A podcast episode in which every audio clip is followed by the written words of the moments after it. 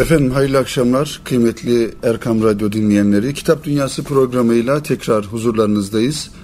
Bir hafta aradan sonra yeni kitaplarımızla ve yeni konularımızla tekrar birlikteliğimize devam ediyoruz. Hepinize hayırlı günler, hayırlı akşamlar diliyorum. Kıymetli dinleyenlerimiz, geçtiğimiz haftayı hatırlayan dinleyenlerimiz ve yeni radyolarını açan dinleyenlerimize bir hatırlatma anlamında ifade edelim. Geçtiğimiz haftalarda malumunuz Türkiye ülkemiz önemli bir süreçten geçiyor. 15 Temmuz darbe girişimi öncesi ve sonrası diye tanımlayacağımız bir zaman diliminde biz de hem zamanın ruhuna uygun ve biraz da bu konulardaki düşüncelerimizi ifade etme anlamında geçtiğimiz hafta iki tane darbe girişimiyle alakalı e, kitap tanıtmıştık ve bu kitaplardan bir tanesi Özcan Yeniçeri'nin e, darbe girişimi ve 12 Eylül'ü anlatan, o yılları anlatan ve o yıllarda ülkemizdeki kaosu, ülkemizin insanların çekmiş olduğu sıkıntıları anlatan e, kitaptı. Bu anlamda bizlere olumlu anlamda geri dönüşler yapan, tepkilerini e, ileten dinleyenlerimize de ayrıca buradan teşekkür ediyoruz. Tabii bundan sonrası için yani 15 Temmuz Cuma günü akşamı yapılan bu darbe girişiminden sonrası için şüphesiz gerek bizim e, özel hayatımızda gerekse toplumsal hayatımızda bir takım farklılıkların, değişikliklerin e, olması muhtemel. Daha doğrusu kaçınılmaz. E, çünkü darbe veya darbe girişimlerinin bizim hem psikolojik hayatımızda, psikolojimizde hem sosyal hayatımızda e, mutlaka bir takım değişimlerin, bir takım farklı bakış açılarının en azından oluşmasına sebep olduğunu ifade etmemiz gerekiyor. Kaldı ki e, devletimizin yetkili insanları, ülkemizin başında idarecilerimiz, yöneticilerimiz de bu anlamda bu tür vahim olayların tekrar yaşanmaması, bu tür acı olayların, üzüntü verici olayların tekrar yaşanmaması açısından e, bir takım tedbirleri de almış bulunuyorlar ve almaya da devam edecekler. Burada sadece sadece bu ülke yöneticilerine görev e, düşmüyor kıymetli dinleyenlerimiz. Bir vatandaş olarak, bir bu ülkenin bir vatandaşı olarak, bu ülkenin topraklarında yaşayan insanlar olarak da elbette ki bizim de üzerimize büyük görevler düşüyor. E, halk olarak bilinçlenme adına, bilinçlendirme adına ve gerçeklerin görülmesi noktasında etrafımızdaki insanların e, bu anlamda uyandırılması, uyarılması adına bizlere de önemli görevler düşüyor. Erkam Radyo da bu anlamda bütün yayınlarına baktığımızda da hakikaten sağduyulu ve milletimizin beklentileri doğrusunda, doğrultusunda ve aklı selimi ifade eden yayınlar yaptığını da buradan ifade edelim kıymetli dinleyenlerimiz. Efendim tabii ki her ne kadar e, hayatımızda bu anlamda üzüntü verici, acı olaylar yaşansa da e, insanoğlu belli zaman sonra hayatını normale döndürmesi gerekiyor ve normal hayatının akışında da yapması gereken planları, projeleri veya farklı bir e, şekilde hayat akışını normalleştirilmesi gerekiyor. İşte e, biz de bu anlamda Kitap Dünyası programının bu birinci bölümünde, bu haftaki programımızın birinci bölümünde biraz daha sizleri hem gündemin bu yoğunluğundan biraz şöyle kenara alarak ve çünkü şunu da ifade edelim bu zaman diliminde ve şu günlerde hakikaten e, medyada, televizyonlarda, gazetelerde bu konu konuşuluyor. Tabii ki konuşulması gerekiyor e, ama bir taraftan da büyük bir bilgi kirliliğinin e, olduğunu da ifade etmek gerekiyor. Buna da dikkat etmemiz gerektiğini, aldığımız bilgilerin sağlamlığına, doğruluğuna ve isabetli olup olmadığına da bakmamız gerekiyor. Bunun için de aldığımız bilgi kaynaklarının önemli olduğunu ifade edelim. İşte kıymetli dinleyenlerimiz hep beraber bu gündemin e, içinde olmakla birlikte biraz da bir kültür ifadesi olarak daha doğrusu bir kültür sohbeti olarak birinci bölümde Ahmet Hamdi Tanpınar'ın e, bir klasik eserinden bahsetmek istiyorum sizlere. Hem şöyle ülkemizin güzelliklerini, ülkemizin kültürel zenginliklerini hatırlama adına bu kitabın Kitap Dünyası programına gündem olması gerektiğini düşündüm ve Ahmet Hamdi Tanpınar'ın bundan yıllar önce bundan yıllar önce e, kaleme almış olduğu Beş Şehir isimli kitaptan sizlere bahsedeceğim inşallah. Kıymetli dinleyenlerimiz tabii ki ülkemizde ve dünyayı da kendi coğrafyamız olarak gördüğümüzde bizim yüreğimizde, kalbimizde, gönlümüzde var olan bir takım şehirlerin olduğunu ifade edebiliriz. Ülkemizde 81 ilimizin her birisinin kendine has güzellikleri ve özelliklerini e, özelliklerinin olduğunu söylemekle beraber ancak bazı şehirlerin, bazı e, bölgelerin kendine has bir takım farklılıklarının olduğunu da, güzelliklerinin olduğunu da şüphesiz herkes kabul eder diye düşünüyoruz. İşte Ahmet Hamdi Tanpınar bundan e, yıllar önce neredeyse 60 yıl önce yani 1946 yılında bu kitabın ilk yayın tarihi 1946 yılında e, kendisine göre e, beş şehir ismiyle adlandırdığı ve bu şehirlerin güzelliklerini anlattığı bir kitap. Beş şehir isimli kitapta hangi şehirler var? Bakalım Ankara var, Erzurum var, Konya ve diğer bir şehrimizde İstanbul, beşinci şehirde Bursa olarak karşımıza çıkıyor. Ahmet Hamdi Tanpınar'ın Beş Şehir isimli kitabında yazmış olduğu, anlatmış olduğu ve tasvir etmiş olduğu bu şehirleri 1946 yılında bir kitap halinde Ahmet Hamdi Tanpınar'ın gözlemleriyle yayınlanmış bir kitap. Tabi bu şehirlerle ilgili kısa kısa Ahmet Hamdi Tanpınar'ın gözlemlerini de ifade eden düşüncelerimizi ve ifadelerimizi sizlere sunmaya çalışalım. Bu eserin konusu için hayatımızda kaybolan şeylerin ardından duyulan üzüntü ile yeniye karşı beslenen iştiyaktır demektedir Ahmet Hamdi Tanpınar. Hayatımızda kaybolan şeylerin ardından duyulan üzüntü ile yeniye karşı beslenen iştiyaktır. Çünkü bu kitap e, bu kitabı yazarken veya bu şehirlerle alakalı gözlemlerini yazarken aslında Ahmet Hamdi Tanpınar kıymetli dinleyenler bir taraftan geçmişe duyduğu hasreti, özlemi kitabına, satırlarına almış bulunuyor. Evet, Tanpınar'ın en önemli denemelerinden biri olan bu kitapta beş şehir anlatılmaktadır. Bu beş şehir Ankara, Erzurum, Konya, Bursa ve İstanbul. Biraz önce de ifade ettiğimiz gibi kıymetli dinleyenlerimiz ilk yayın tarihi 1946 olan bu eser Tanpınar'ın gözlemleri ile etkileyici üslubu birleşince edebiyatımızın en değerli eserlerinden birisi ortaya çıkmıştır. Ve bu eser Türk edebiyatında en kıymetli denemeler sınıfına girmiştir. Hatta en kıymetli deneme kitaplarından biridir. Birinci şehir olarak Ankara ile alakalı Ahmet Hamdi Tanpınar'ın gözlemlerine baktığımızda şu ifadeleri görüyoruz. Diyor ki Ahmet Hamdi Tanpınar, belki milli mücadele yıllarının bıraktığı bir tesirdir. Belki doğrudan doğruya çelik zırhlarını giymiş, ortada dolaşan bir eski zaman silahşörüne benzeyen kalesinin bir telkinidir. Ankara bana daima dasitani ve muharip göründü. Şurası var ki şehrin vaziyeti de buna müsaittir. Daha uzaktan gözümüze çarpan şey iki yassı tepenin arasındaki geçidiyle tabi bir istihkam manzarasıdır. Ankara uzun tarihinin şaşırtıcı terkipleriyle doludur. Asırlar içinde uğradığı istilalar, üst üste yangınlar ve yağmalar, şehirde geçen zamanların pek az eserini bırakmıştır. Acayip bir karışıklık içinde bu tarih daima insanın gözü önündedir.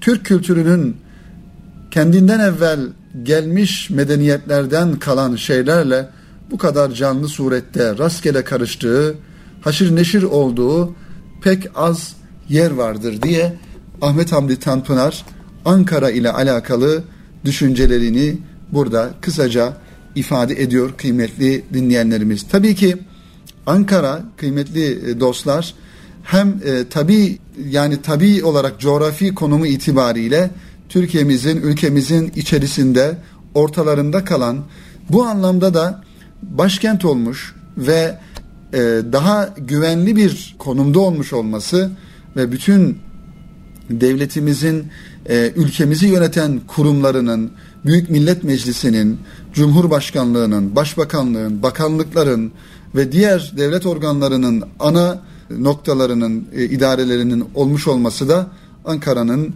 önemli bir e, şehir olduğunun göstergelerinden oluyor. Tabii Ankara'yı en önemli önemli kılan hususiyetlerden bir tanesi de biraz sonra da ona kısaca temas edeceğiz kıymetli dinleyenlerimiz. Hacı Bayramı Veli'nin Ankara'da bir manevi mimar olarak olması, orada türbesinin, camisinin var olması, bir e, derviş e, meşrepli bir Allah dostunun daha doğrusu o yıllara baktığımızda bir e, Anadolu erenlerinin orada olmuş olması Ankara'ya da ayrı bir özellik katıyor. İkinci şehrimiz kıymetli dinleyenlerimiz Ahmet Hamdi Tanpınar'ın bu kitabında almış olduğu ikinci önemli şehrimiz Erzurum. Tabi Erzurum Doğu ve Güneydoğu Anadolu içerisinde önemli şehirlerimizden bir tanesi. Şöyle haritaya baktığımızda kıymetli dinleyenler sanki Doğu ve Güneydoğu'nun çatısını oluşturan gerek tarihi geçmişi ile gerekse milli meselelere duyarlılığı ile ve gerekse insanının sıcakkanlı, alçak gönüllü ve vatansever bir yapıya sahip olması e, hasebiyle e, tabii ki Erzurum'un bir bu yöndeki özelliği ön plana çıkmaktadır. Sadece şimdi değil, günümüzde değil, özellikle milli mücadele yıllarında ve ondan öncesinde Erzurum bölgesindeki doğuda Ermenilere karşı verilen savaşlarda ve Ruslara karşı verilen savaşlarda Erzurum'un önemli bir e, görev ifa ettiğini, bir yönüyle bir karargah olduğunu ve hatta milli mücadelenin oradan başlamasının da buradaki insanların milli konulara ne kadar duyarlı olduklarının göstergesi olarak karşımıza çıkıyor. Ahmet Hamdi Tanpınar, kıymetli dinleyenlerimiz Erzurum'la alakalı şu düşüncelere, ifadelere yer veriyor. Hiçbir yerde memleketin birinci Cihan Harbi'nde geçirdiği tecrübenin acılığı burada olduğu kadar vuzuhla yani açık bir şekilde görülmezdi. Tabii ki bütün e, Türkiye'de daha doğrusu Osmanlı'nın o yıkılma yıkılmış e, döneminde Cumhuriyet'in ilk kurulduğu yıllarda ve Osmanlı'nın tamamen istila edilmiş olduğu bir yönüyle dış güçler tarafından istila edilmiş olduğu o dönemde Cihan Harbi'nin başladığı zaman diliminde hiçbir şehirde Erzurum kadar, Erzurum insanı kadar bir milli mücadele ruhunun e, ön plana çıktığı görülmemiştir diyor Ahmet Hamdi Tanpınar bu e, düşüncelerini sunarken. Bu eski ressamların tasvir etmekten hoşlandığı şekilde ölümün zaferiydi. Dört yıl bu dağlarda kurtlara insan etinden ziyafetler çekilmiş, ölüm her yana dolu dizgin saldırmış, seçmeden avlamıştı. Uğursuz tırpan durmadan bir saat rakkası gibi işlemiş, rast geldiği her şeyi biçmişti. Milli mücadele yıllarındaki orada verilen mücadelede ölen insanları bir yönüyle Ahmet Hamdi Tanpınar tasvir ediyor. Bununla beraber nüfusu 60 binden 8 bine inen Erzurum milli mücadeleye ön ayak olmuştur. Yani 60 bin nüfuslu bir şehir kıymetli dinleyenlerimiz milli mücadeleye katıldıktan sonra çoluk çocuk, genç, ihtiyar, yaşlı, kadın hepsi bu mücadeleye katıldığından dolayı işte burada da ifade edildiği gibi nüfus 60 binden 8 bine kadar iniyor. Ermenistan zaferini idrak etmiş, yavaş yavaş sağ kalan hemşerilerini toplamaya başlamış. Yani Ermenistan, Ermeniler o yıllarda Erzurum Erzurum'un zaferini kabul etmiş ve bütün e, o bölgedeki Ermenileri, hemşerilerini toplamaya başlamış. Erzurum Türk tarihine, Türk coğrafyasına 1945 metreden bakar. Şehrin macerası düşünülürse bu yükseklik daima göz önünde tutulması gereken bir şeydir. Malazgirt zaferinin açtığı gedikten yeni vatana giren atalarımızın fethettikleri büyük merkezi şehirlerden birisidir Erzurum. Tarihimizin ikinci dönüm yerinde milli mücadelenin ilk temeli yine Erzurum'da atılır. Her şeye rağmen hür, müstakil yaşamak iradesi ilkin bu kartal yuvasında kanatlanır. Ve Cumhuriyet'in o yıllardaki komutanları, önde gelen insanları da bu mücadeleyi Erzurum'dan başlatır. Tıpkı ilk fatihler gibi oradan Anadolu'nun içine doğru yürür, oradan başlayarak yurdumuzu, milletimizi, tarihi hakları adına yeni baştan fethetmek için bu mücadele oralardan başlar. İşte Ahmet Hamdi Tanpınar'ın kıymetli dinleyenlerimiz bundan 60 yıl önce kaleme almış olduğu Beş Şehir isimli kitabında ülkemizin güzel köşelerinden bir tanesi ve milli mücadelede e, onlarca belki yüzlerce kahramanlık destanı yazmış e, Nene Hatunların ve e, yiğit insanların var olmuş olduğu e, bir şehir olan Erzurum'dan bu şekilde e, bahsediyor Ahmet Hamdi Tanpınar. Diğer bir şehrimiz kıymetli dinleyenler yine milli ve manevi yönden önemli bir merkez olan özellikle manevi yönden önemli merkez olan Konya'mız. Konya Bozkır'ın tam çocuğudur. Onun gibi kendini gizleyen esrarlı bir güzelliği vardır. Bozkır'ın kendini gizleyen esrarlı bir güzelliği diyoruz. Çünkü Konya hem bulunmuş olduğu coğrafi konum itibariyle hem bereketli topraklarıyla hem de manevi zenginlikleriyle bu esrarı, bu güzelliği kendi içinde barındırmaktadır. Bozkır kendine bir serap çeşnisi vermekten hoşlanır. Konya'ya hangi yoldan girerseniz girin sizi bu serap vehmi karşılar. Evet, işte serin gölgeleri ve çeşmeleri susuzluğumuza uzaktan gülen bu rüya yolun her dirseğinde bir güzellik, ayrı bir özellik görürüz Konya'mızın e, içine girdiğimiz zaman ve Selçuklu sultanlarının izlerini onların tarihe bırakmış olduğu izleri bu şehirde buluruz. Yine Mevlana Konya'dadır ve Mevlana bir e, toplum önderi olmakla beraber bir Allah dostudur, bir şairdir. Şiiri inkar etmesine, küçük görmesine rağmen şarkın en büyük şairlerinden biridir. Nasıl garp orta çağı bütün azap korkusu, içtimai düzen veya düzensizliği ile rahmaniyet iştiyakı ve adalet susuzluğu ile Dante'nin eserinde toplanmışsa işte Müslüman doğuda, Müslüman şarkta bütün varlık hikmeti hakla hak olmak ihtirası ve cezbesiyle divanı kebirde toplanmıştır. Yani Mevlana'nın divanı, divanı kebiri, mesnevisi bu anlamda bütün şarkın güzelliğini, hikmetini, şiirini, edebiyatını kendisinde toplamıştır. Elbette ki kıymetli dinleyenlerimiz Konya'mızla alakalı, Konya ile alakalı çok daha söylenecek sözler olduğunu da ifade edelim ve Ahmet Hamdi Tanpınar'ın buradaki sözleriyle yetinmiş olalım. Diğer bir şehrimiz, diğer bir güzel şehrimiz yine Osmanlı'nın ki Konya'da Osmanlı'nın önemli merkezlerinden, başkentlerinden bir tanesi e, ve Selçuklu'nun aynı zamanda önemli merkezlerinden bir tanesi idi. Aynı zamanda Bursa'da Osmanlı'nın başkentlerinden bir tanesi.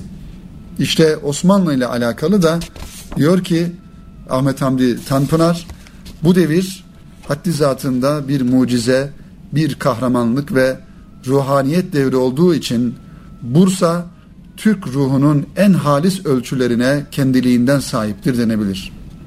Bu hakikati gayet iyi gören ve anlayan Evliya Çelebi Bursa'dan bahsederken ruhaniyetli bir şehirdir ifadesini kullanır. Evet, ister istemez sayarsınız. Gümüşlü, Muradiye, Yeşil Nilüfer Hatun, Geyikli Baba, Emir Sultan, Konuralp. Bunlar hakikaten bir şehrin semt ve mahalle adları. Yahut tıpkı bizim gibi belli bir zaman içinde yaşamış bir takım insanların anıldıkları isimler midir? Hepsinin mazi dediğimiz o uzak masal ülkesinden toplanmış hususi renkleri, çok hususi aydınlıkları ve geçmiş zamana ait bütün duygularda olduğu gibi çok hasretli lezzetleri vardır. Acaba bu isimler her birisi bir semtin adı mıdır yoksa manevi olarak manevi olarak buraların dilekleri midir, manevi dilekleri midir? Bu kuruluş aslından sonra Bursa sevdiği ve büyük işlerde o kadar yardım ettiği erkeği tarafından unutulmuş, boş sarayının odalarında tek başına dolaşan ve içlenen gümüş kaplı küçük el aynalarında saçlarına düşmeye başlayan akları seyrede seyrede ihtiyarlayan eski masal sultanlarına benzer Bursa. İlk önce Edirne'nin kendisine ortak olmasına, sonra İstanbul'un tercih edilmesine kim bilir ne kadar üzülmüş ve nasıl için için ağlamıştır. Bursa Osmanlı'nın padişahı iken, Osmanlı'nın başkenti iken affedersiniz, daha sonra Edirne Osmanlı'nın başkenti ve sonrasında da İstanbul oluyor. İşte Bursa bu başkentlik ortaklığına e, için için ağlıyor diye bunu bu şekilde Ahmet Hamdi Tanpınar tasvir ediyor. Evliya Çelebi Bursa çeşmelerinden bahsettikten sonra sözü velhasıl Bursa sudan ibarettir diyerek bitirir. Şimdi Bursa'da asıl zamanın yanı başında bizim için ondan daha başka ve daha derin olarak mevcut olan ikinci zamanı yapan şeyin ne olduğunu öğrenmiş gibiyim diyor. Bu ses ve onun etrafı kucaklayan her dokunduğu şeyin özünü bir ebediyette tekrarlayan akisleri bu mevsimlerin ve düşüncelerin ezeli aynası zamanın üç çizgisini birden veren tılsımlı bir aynadır. Sanatın aynası da bundan başka bir şey değildir diye düşüncelerini sunuyor Ahmet Hamdi Tanpınar. Bursa ile alakalı bu güzel ifadeleri sunarken. Tabii ki kıymetli dinleyenler son olarak da bu anlamda programımızın birinci bölümünün de biraz e, zamanını aşmış bulunuyoruz. Son olarak da hemen İstanbul'umuzu, güzel İstanbul'umuzla alakalı bu büyük yazarın e, düşüncelerine, ifadelerine bakalım. Bakalım ki İstanbul'la alakalı neler diyor. Elbette ki bu şehirleri, bu güzel şehirleri birkaç satıra sığdırmak, birkaç ifadeyle e, anlatabilmek mümkün değildir. Sadece bu kitabın içerisinden bu şehirlerle alakalı kısa kısa e, ifadeleri e, size sunmaya çalışıyoruz. Asıl İstanbul yani surlardan beri olan minareyle camilerin şehri Beyoğlu, Boğaziçi, Üsküdar, Erenköy tarafları. Çekmeceler, bentler, adalar. Bu şehrin içinde adeta başka coğrafyalar gibi kendi güzellikleriyle bizde ayrı ayrı duygular uyandıran, hayalimize başka türlü yaşama şekilleri ilham eden peyzajlardır. Evet, asıl İstanbul, Beyoğlu, Boğaziçi, Üsküdar, Erenköy. Her İstanbullu az çok şairdir. Çünkü irade ve zekasıyla yeni şekiller ortaya koymasa bile büyüye çok benzeyen bir muhayyile oyunu içinde yaşar. Ve bu tarihten gündelik hayata, aşktan sofraya kadar genişler. Evet, diyor ki Ahmet Hamdi Tanpınar kıymetli dinleyenlerimiz, bugün mahalle kalmadı. Tabi ta 60 sene öncesinden bahsediyor. Yalnız şehrin şurasına burasına dağılmış eski fakir mahalleliler var. Birbirlerinin hatırını sormak, bir kahvelerini içmek, geçmiş zamanı beraberce anmak için zaman zaman gömüldükleri köşeden çıkan, bin türlü zahmete katlanarak semt semt dolaşan ihtiyar mahalleliler. Bugünün mahallesi artık eskiden olduğu gibi her uzvu birbirine bağlı yaşayan topluluk değildir. Sadece belediye teşkilatının bir parçası olarak vardır. Zaten mahallenin yerini yavaş yavaş alt kattaki üsttekinden habersiz, ölümüne, dilimine kayıtsız, küçük bir Babil gibi her penceresinden ayrı bir radyo merkezinin namesi taşan apartman aldı mahalleleri. Beylerbeyi'nde, Emirgan'da, Kandilli veya İstinye'de günün her saati birbirinden ayrı şeylerdir. Beykoz, Çubuklu, ağaçlarının serin gölgesinde henüz son rüyalarını üstlerinden atmaya çalışırken Yeniköy ve Büyükdere gözlerinin ta içine batan güneşle erkenden uyanırlar.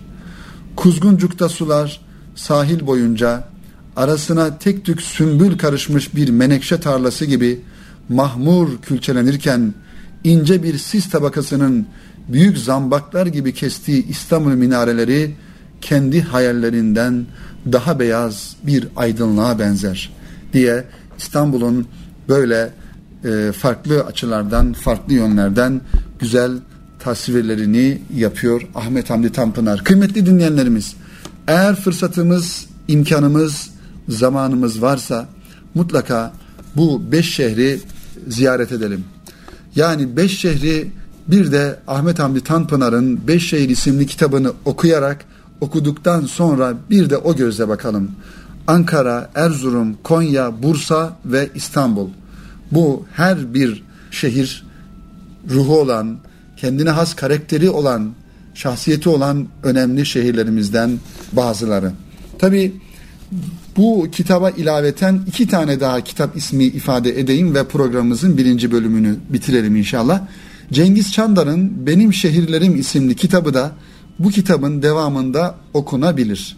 Ve diğer bir kitapta Ahmet Turan Alkan'ın Altıncı Şehir ismiyle kaleme almış olduğu ve Sivas'ı kendisinin Sivaslı olması hasebiyle Sivas'ı anlattığı kitapta e, ilgimizi çekebilir kıymetli dinleyenler. Şehir kültürü adına, şehir mimarisi adına e, bu kitapları mutlaka okuyalım ve okuduktan sonra da e, bu şehirleri bir de bu gözle değerlendirelim diye programımızın birinci bölümünü burada bitirelim inşallah.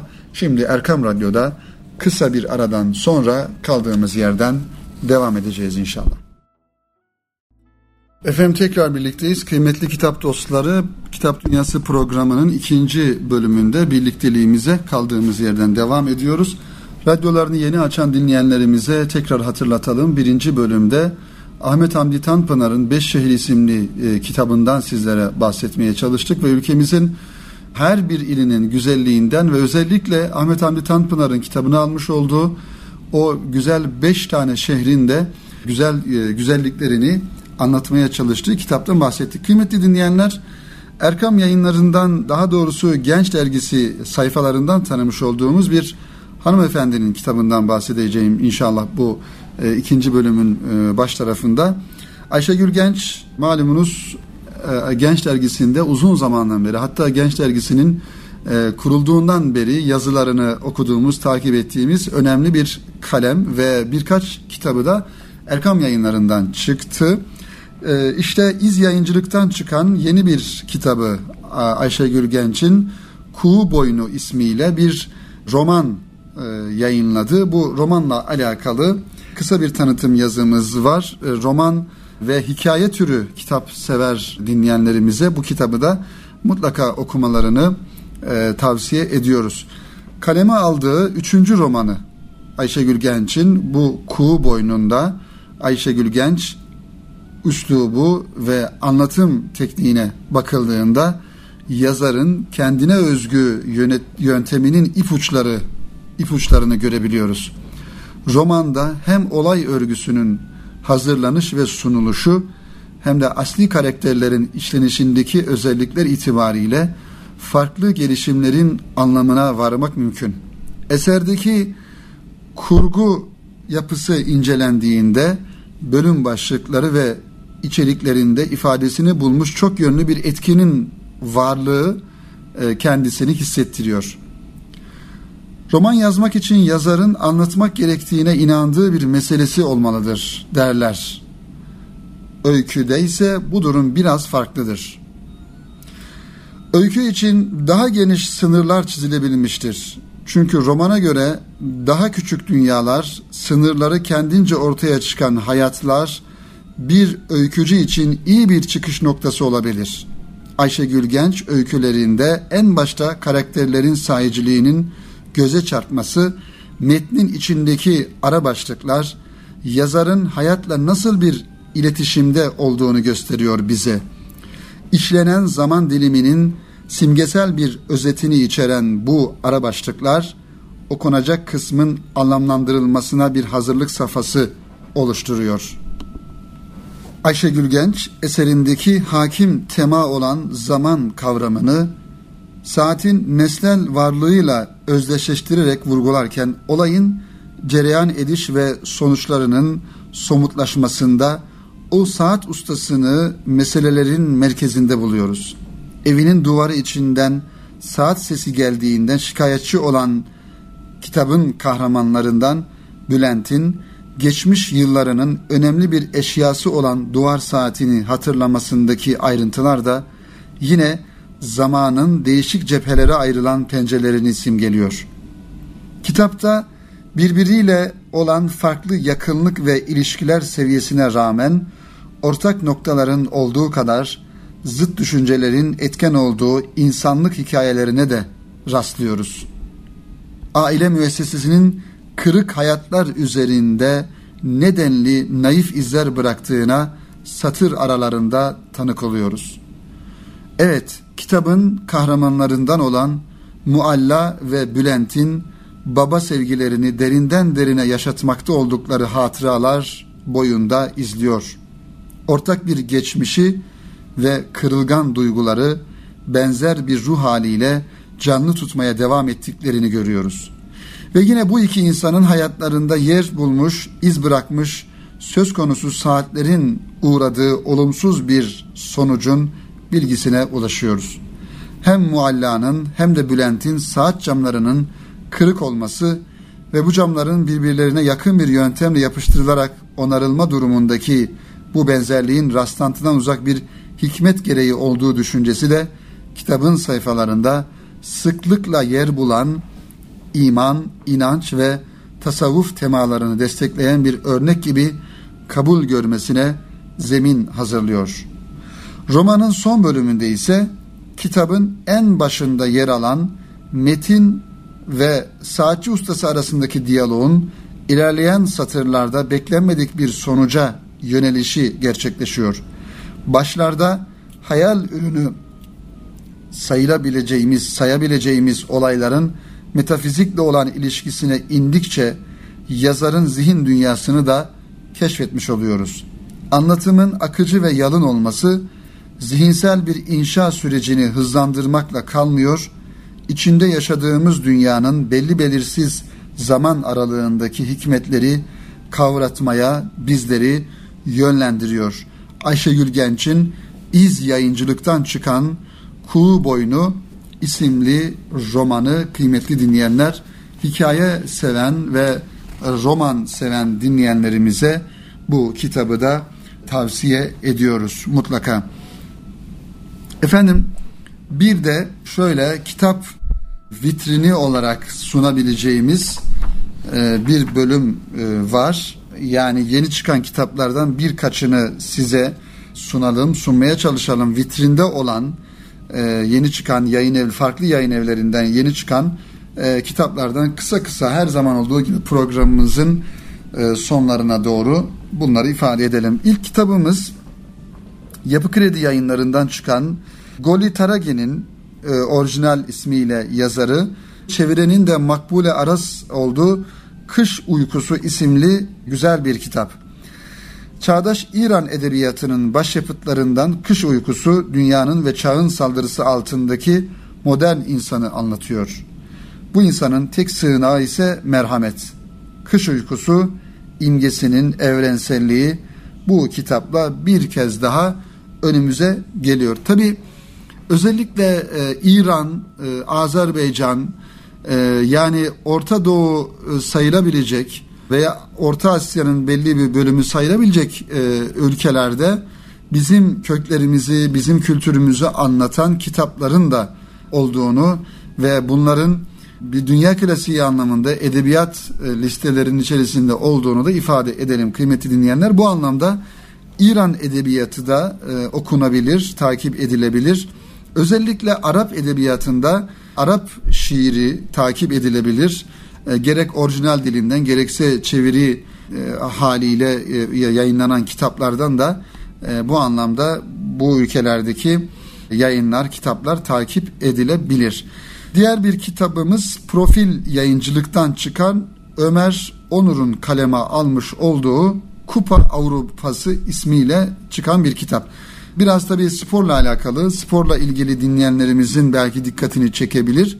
Türkiye'nin de katıldığı Avrupa Futbol Şampiyonası bu yıl Fransa'da düzenleniyor. Düzenlendi daha doğrusu. Dünya Kupası hakkında sayısız kitap varken Avrupa Kupası'nın bu alandaki eksikliğini kapatan bu tarih ve futbol kitabı meraklıları için Ömer Onur tarafından hazırlandı ve profil yayınlarından da yayınlanmış oldu. Diğer bir kitabımız kolektif e, yayınlarından çıkan ve Sam Keen'in kaleme almış olduğu e, Berna Kılınçer'in de çevirmiş olduğu İnsan Beyninin Gizemi kıymeti dinleyenler. İnsan beyni üzerine yapılan bilimsel çalışmalar kadar da üretilmiş efsaneler de vardır aynı zamanda. Yazar ise modern nörolojinin geldiği noktayı kendine ölçü alarak beynin tarihini yazıyor bu kitapta. Bir yönüyle polisiye romanı tadında ilerleyen ve meraklı bir bilimsel öykü kitabı olarak karşımıza çıkıyor.